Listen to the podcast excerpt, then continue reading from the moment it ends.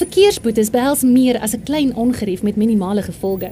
Jy kan 'n kriminele rekord kry of probleme teekom as jy jou rybewys of motorlisensie hernie en die metropolisie kan jou by padplakkades lastigval om die boetes te betaal. Fines for you vir minder moeite met verkeersboetes deur hul te monitor en vinnig, wetlik en effektief af te handel sodat jy nie die ongewenste gevolge hoef te dra nie. Ons spesialiseer in groot vlote en streef daarna om jou geld te bespaar. Kontak ons gerus op 011 867 7331 of besoek ons webtuiste by www.finds4u.co.za.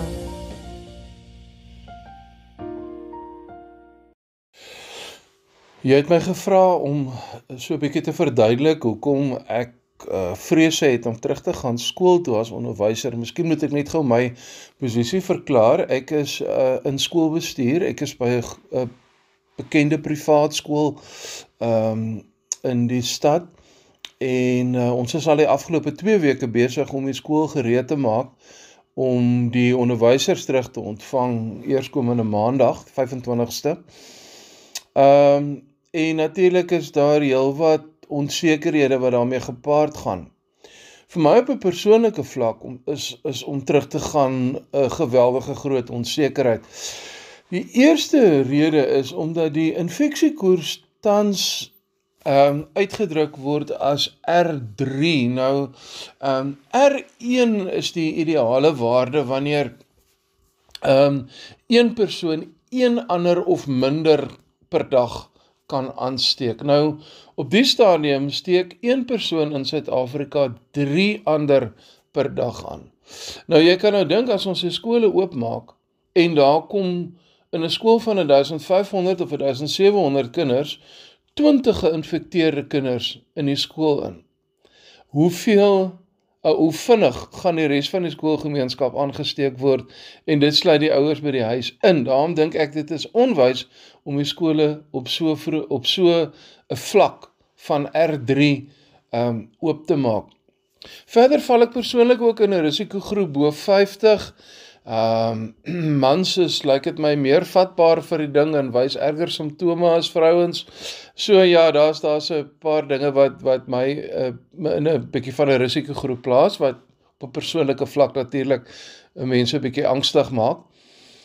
Dan is daar ook die feit dat kinders asymptomaties is meeste van die tyd. Hulle gaan skool toe kom sonder dat hulle eers weet hulle het die virus. Ehm um, en selfs as hulle ligte simptome toon by die huis, gaan ouers hulle nie by die huis hou nie want dis vir die ouers eh, gewoon nie ehm um, gerieflik nie want hulle moet gaan werk en uh, wie gaan na die kinders kyk. So hulle gaan die kinders skool toe skuur. So daar gaan kinders met ligte simptome by die skool aankom. En die ehm um, die sogenaamde screening by die skole is is ook hoogs oneffektief want in die eerste plek moet 'n mens staat maak op die kind se eerlikheid of die ouers se eerlikheid om die vorm eerlik in te vul. Tweedens moet 'n mens staat maak op die op die op die temperatuurtoetsing en ek bedoel dis dis nou al bewys dat die temperatuurtoetsers wat gebruik word maar 'n akkuraatheidskoers het van omtrent 30%. My temperatuur is die week by die skool geneem en my temperatuur was 35 grade wat absoluut onmoontlik is. Ehm um, so uh, uh, dis nie akkuraat nie en dit op sigself is geen waarborg dat 'n mens nie iemand met 'n virus in die skool gaan toelaat nie. Verder wanneer 'n onderwyser byvoorbeeld sou siek word, moet hy tuis isoleer. Ehm um, wanneer jy tuis geïsoleer is en jy laat jou toets, neem die toets gemiddeld op die oomblik 12 dae voordat die resultate beskikbaar is. Nou wanneer jy begin siek word het en jy tel 12 dae aan, is jy dan reeds in die moeilikheid. So as jou simptome baie erg is, sou jy dan al reeds hospitaal hospitalisasie benodig het nog voordat jy geweet het of jy COVID-19 positief is of nie. So dit op sigself is skep 'n baie baie groot risiko en 'n onseker situasie by baie onderwysers. Verder is dit onmoontlik om sosiale afstand in 'n skool te handhaaf. Hoe doen jy dit? Die meeste van ons ouerskoolgeboue is gebou met 'n onderwyser-kind rasio van omtrent 30 in 'n klas in gedagte. Die werklikheid is dat in hoërskole waar ek nou byvoorbeeld skole is die rasio 1 tot 35 of 1 tot 40. Die klasse is eintlik oorvol. Ehm um, die kinders sit baie minder as 'n meter van mekaar af. Ehm um, met ander woorde ehm um, sosiale afstand is feitelik onmoontlik. Wat doen jy pouse tyd wanneer die kinders uitgaan? Hoe verhoed jy die kinders om binne 2 meter van mekaar af te wees vir die uh verloop van die pouse? Ehm um, dit is dis net eenvoudig nie prakties haalbaar nie. Ehm um, die kinders gaan aan mekaar raak. Hulle hulle gaan met mekaar sukkel in in in stamp en speel en te kere gaan dit, dit is net wat kinders doen. Uh en en en en dan dan kan hulle die virus oordra want hulle kan asymptomaties wees. So uh dit bly 'n groot risiko. Verder kom skoolwerkers wat ehm um, byvoorbeeld skoonmakers, mense van instandhoudingsspanne en so aan kom dikwels uit gebiede met 'n geweldige hoë besmettingssyfer, veral uh in waar my skool lê in die stad. Ehm um, hulle klim op openbare vervoer elke dag, hulle is blootgestel aan 'n klomp mense voordat hulle by die skool uitkom. Um en hulle raak aan al die oppervlaktes waaraan onderwysers gereeld raak. Hulle kom stof in die middag jou klas af, uh hulle maak jou uh vee die vloere uit. Hulle hulle is oral waar die onderwysers heeldag is. So dit skep net 'n groter blootstelling vir onderwysers. Um Daar's nou baie mense sê ja, maar in Swede is daar geen bewyse gevind dat oordrag by skole plaasgevind het nie. Die probleem is dat in Swede is daar geweldige sosiale gehoorsaamheid en het mense selfs in skole omdat die klasgroepe baie kleiner is en daar baie meer ruimte is, ehm um, daarin geslaag om maniere te vind om sosiale afstand te handhaaf. Maar daar is geen manier waarop wetenskaplikes wel kan sê dat oordrag nie in skole plaasgevind het nie. Hoe bewys jy dit? Dis onmoontlik. Jy niemand weet presies waar die virus oorgedra word nie. Behalwe as jy nou werklik in kontak was met 'n persoon, maar selfs dan kan iemand anders jou aangesteek het. So die hele Sweedse model argument val vir my 'n bietjie plat. Dan kom ons by die situasie van persoonlike beskermingsdrag en persoonlike beskermingstoerusting, maskers, uh handreinigers en daai tipe dinge.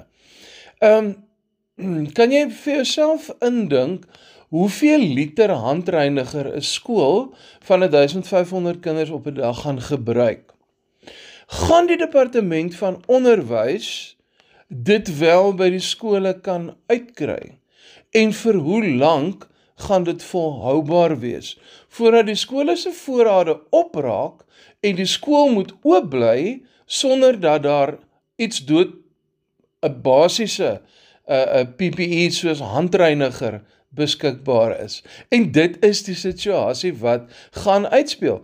Net om vir jou 'n voorbeeld te gee, um, ek het gister gehoor van 'n skool um, in die Kaapse Skiereiland wat gewag het vir hulle handreinigers en maskers van die departement af en op pad soontoe is die voertuig gekaap wat dit moes aflewer.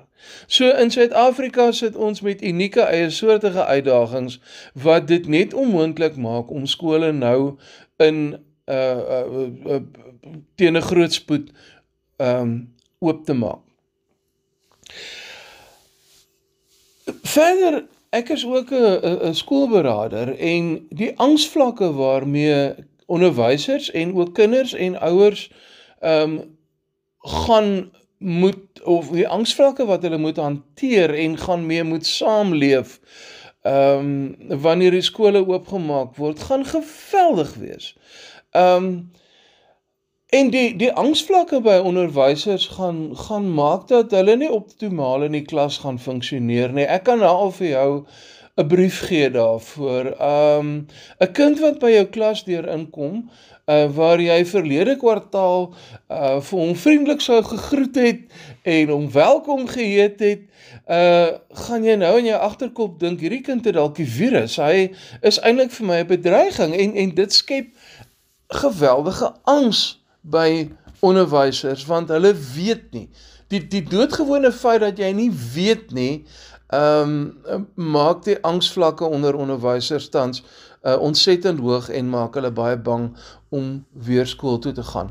En dan staan natuurlik nog die verdere ding van die sosiale trauma wat 'n mens ervaar ehm um, veral in skoolgemeenskappe wanneer kinders positief toets, wanneer van die ouers positief toets, wanneer ouers of kinders of onderwysers sterf, is dit die moeite werd, vra ek myself, om 'n skooljaar te probeer red.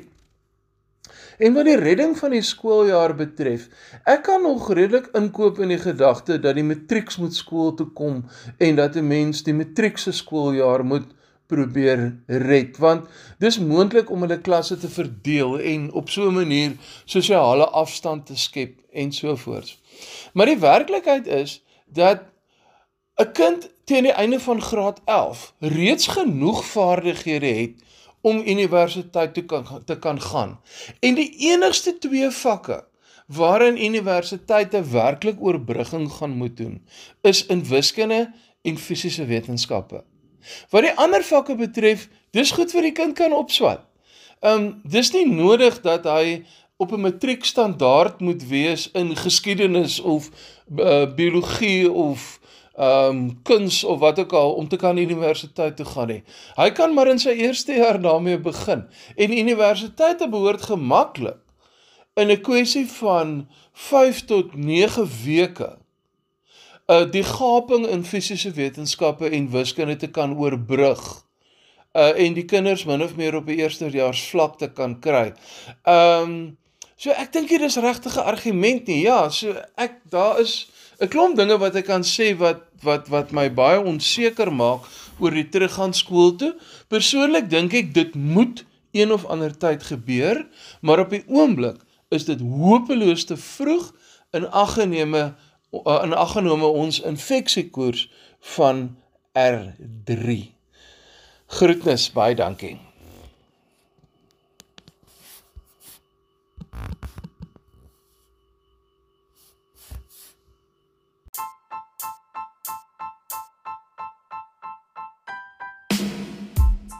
Plaas jou geld sake in die hande van Nandi Erasmus, 'n geregistreerde finansiële deskundige by Sanlam.